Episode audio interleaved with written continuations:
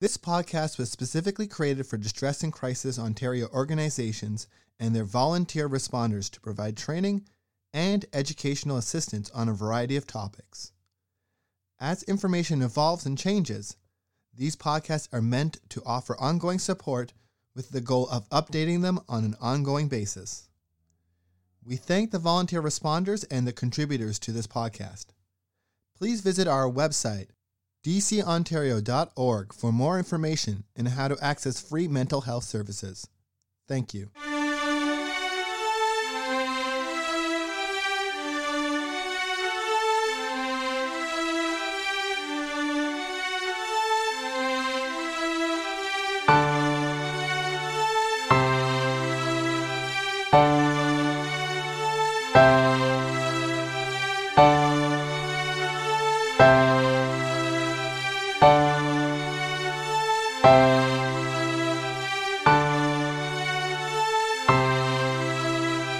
Hello, my name is Caitlin Plant, and I am the Program Manager at Distress and Crisis Ontario. Thank you for listening to our podcast. In case you missed it, we have a new name. You can now find us as DCO Discourse across most podcast platforms as we continue to share interviews, resources, and information about mental health, addictions, and life in Ontario. If there's anything you would like for us to speak about, please feel free to complete the feedback form, which is linked in the show notes. Show notes can usually be accessed by clicking or tapping if you're on a mobile device on the episode title. We would love to hear from you if you have any requests or feedback for us. Due to unforeseen circumstances, Yasmin Mohammed, my guest from last week, was not able to join us for today's episode to continue our conversation about her Muslim faith. So instead, this week I will be sharing information on a topic that hits close to home for me right now ambiguous loss, death, and grief. Last week, I had the privilege of attending a workshop with Dr. Pauline Boss, run through the Delton Glebe Counseling Center, and have been given permission to share some of what I learned here. The content of today's episode may be challenging to listen to at times, so please take breaks in listening, skip difficult portions, or pass on the episode if it is too much. You can always come back when you are ready. Dr. Pauline Boss is a professor emeritus at the University of Minnesota and literally wrote the book on ambiguous loss, with her latest book being titled The Myth of Closure Ambiguous Loss in a Time of Pandemic and Change. She has also written many other books related to ambiguous loss, trauma, resilience, and grief, and has a wealth of experience in providing support to those experiencing loss of all kinds. I would highly recommend looking up her works if you would like to learn more about any of the topics I covered today. So, what is ambiguous loss? As defined by Dr. Boss, ambiguous loss is a loss that remains unclear and without resolution. It is a loss that has no official or social verification and, as such, cannot be clarified, cured, or fixed. The loss can be physical or psychological, but in either case, there is incongruence between absence and presence. Something or someone is gone, but not for certain, like a missing person when no body has been found. Someone or something can be present, but also absent, as when someone with some form of dementia becomes physically present with no cognitive recognition of the world around them. This highlights the two types of ambiguous loss having a loss occur without a goodbye, or saying goodbye without a physical loss. Due to the pandemic, ambiguous loss has been existing all around us for the past two years loss of certainty in regard to safety for ourselves and others, loss of routines and freedom in both how we spend our time with others at work and at home, and in where we could go due to various lockdowns and safety measures. Loss of relationships and an inability to visit or say goodbye to loved ones in hospital, and a loss of many different rituals funerals, weddings, graduations, birthday celebrations, and more. Not to mention many other losses not included in this list. Ambiguous loss is not felt when a verifiable death has occurred, is not a grief disorder, and is not PTSD. In comparison, some clear losses throughout the pandemic have been confirmed death of family members, friends, and or colleagues, loss of jobs or businesses, also resulting in loss of income, or loss of one's home due to income changes, and others. While a death is usually a clear loss, there are some ambiguous aspects to it as well. Unanswered questions play a huge role in this. Why did or didn't I do or say this? Did they know how I felt about them? How do I move forward without them?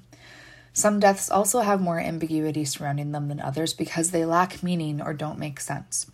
For example, deaths caused by suicide or murder, death of an infant or child, executions of innocent people, etc.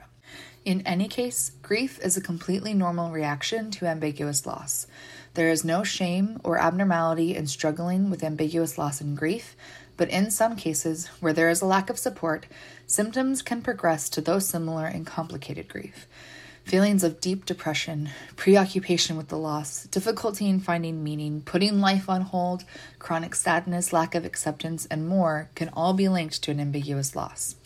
When feelings like this occur, it is important to emphasize that this loss is not the fault of the person struggling. The blame lies with the pandemic, dementia, war, a kidnapper, whatever the external cause of the loss is. Some common effects of ambiguous loss in all situations include some levels of depression, anxiety, feelings of hopelessness due to a lack of meaning, feelings of helplessness due to a lack of control, a loss of identity and confusion about who am I now, social ambivalence, development of an anxious attachment style, and also being frozen in sadness. To clarify, sadness equates to mildly grieving and being unhappy, but still functioning even as bad days come and go. Sadness can be helped with human connection, peer support, and engaging in activities that bring comfort and joy. Depression is a sadness so deep that one cannot function or care for theirself or others. The interventions for depression include individual psychotherapy, perhaps family therapy, and when needed, medication. So, what can we do to move on from these feelings of loss and grief? In today's Western society, there is this idea of closure that grief can be moved through, come to an end, and be moved on from. Dr. Boss believes that this sense of closure is a myth. How can a finite ending be found in ambiguous loss or even grief related to death? Will we ever have closure on the pandemic losses we won't be able to go back and replace? Will we ever stop thinking of, missing, and being sad about someone we've lost to death? Since even the days of Freud, grief has been normalized as a process and a departure from the normal attitude toward life. Yet our culture still expects us to get over things quickly.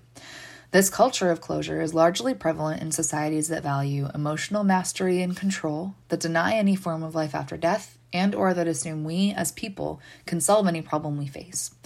When focusing on death, often our own anxieties about death will also demand that we seek closure we tend to feel discomfort around those who are openly suffering as well. In many non Western cultures, experiencing grief and suffering is seen as a normal part of life, and there is a belief that it is possible to have a good life while living with these things. There's a focus placed on community supports and rituals of comfort. While the research has historically stated that grief has linear stages that can be moved through one after the other to eventually reach this sense of closure, the dialogue around this is largely shifting. Even Elisabeth Kubler Ross, the creator of the widely known Five Stages of Grief, stated towards the end of her own long battle with paralysis following a stroke that she was so much more than five stages.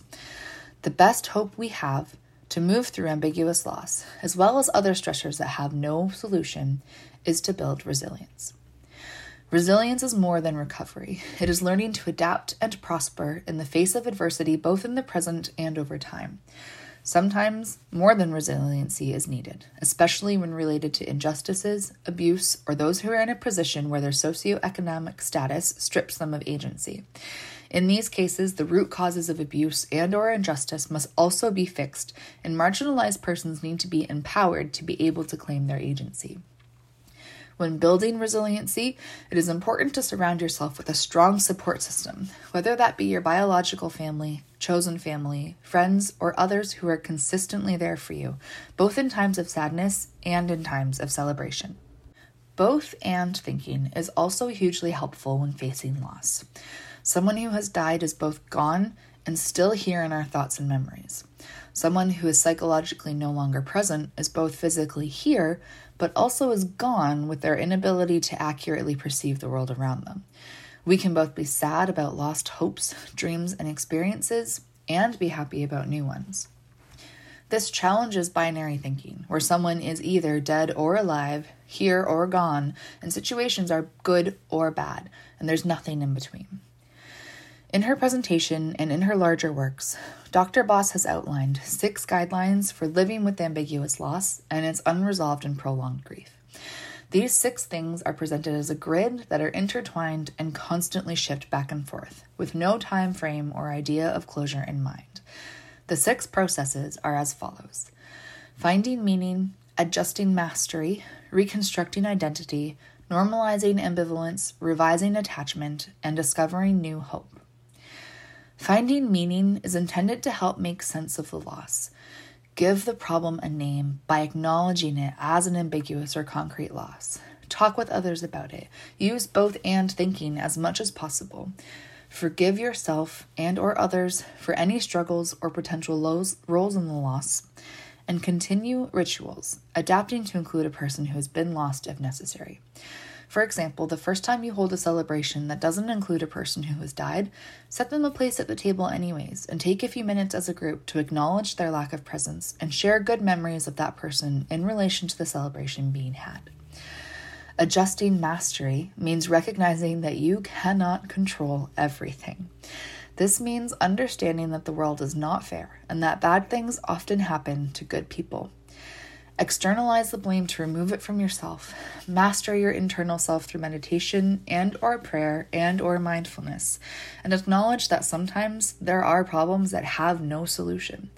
For example, if you are grieving the loss of a relationship with someone whom you are at odds with, Recognize that you cannot change the beliefs, behaviors, or whatever it is that they hold which you cannot reconcile with. Only they can do that. You are not at fault for standing firm in your convictions. Reconstructing your identity to help understand who you are now is also important. The best thing you can do is just try new roles and experiences and see how they feel. If necessary, find a new definition of family and firmly set your relationship boundaries to establish who is in, who is out, and who plays what role. For example, if a trans person is feeling lost related to transitioning, they should try to surround themselves with a supportive community who will help them in learning how to become their new self. Normalizing ambivalence in relation to feeling mixed emotions is also huge, like feeling a mixture of anger and guilt. Understand that feeling conflicting emotions is normal, but be sure to talk about them with someone you trust or, if necessary, a mental health professional. For example, it is perfectly normal to be mad at your parent who no longer recognizes you due to their dementia, while also feeling guilty for being angry at someone who has no control over their own situation. It's also important to know the difference between feelings of guilt and shame. According to Psychology Today, Guilt is a feeling of responsibility or remorse for some offense, crime, wrong, etc., whether real or imagined, while shame is the painful feeling arising from the consciousness of something dishonorable, improper, ridiculous, etc., done by oneself or another. To continue using the same example, it is normal to feel some level of guilt for your feelings of anger toward your dementia ridden parent when their situation is out of their control, but you should not be ashamed of struggling to reconstruct your joint identities. Revising your attachment allows you to let go while still remembering. Recognize that your loved one is both here and gone. Grieve what you lost, but also celebrate what you still have. It is important to find new connections or experiences while not expecting closure on your feelings of grief.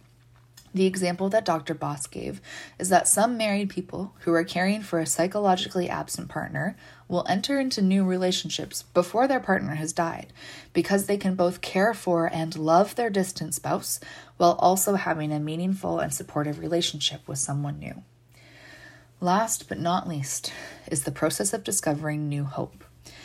This can occur when you are more comfortable with ambiguous loss, are able to laugh at absurdity, can redefine justice, imagine new hopes and dreams, and feel some sense of control over your life despite the ambiguity potentially persisting. You can acknowledge your loss and also look forward to experiencing new joys and opportunities.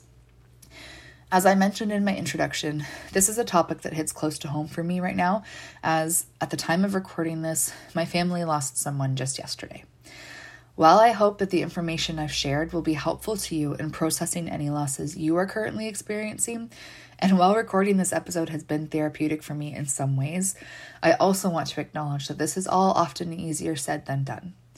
Be gentle with yourself and those around you. Be patient with the process of going through Dr. Boss's six guidelines, and always reach out for support when you need it. If you would like to speak anonymously to someone about anything I've mentioned in this episode or anything else that's going on in your life, please remember that our member centers and or ONTX are always happy to listen. You can find your nearest center by visiting our website at www.dcontario.org forward slash locations. And you can access the ONTX chat function from any page of our website as well by clicking the Looking for Support sidebar. ONTX can also be accessed by texting the word support to 258 258. ONTX is available daily from 2 p.m. to 2 a.m. Eastern Standard Time, but many of our member centers operate 24 7. Thank you for listening to this week's podcast. I wish you all the best and hope you'll join us again next week.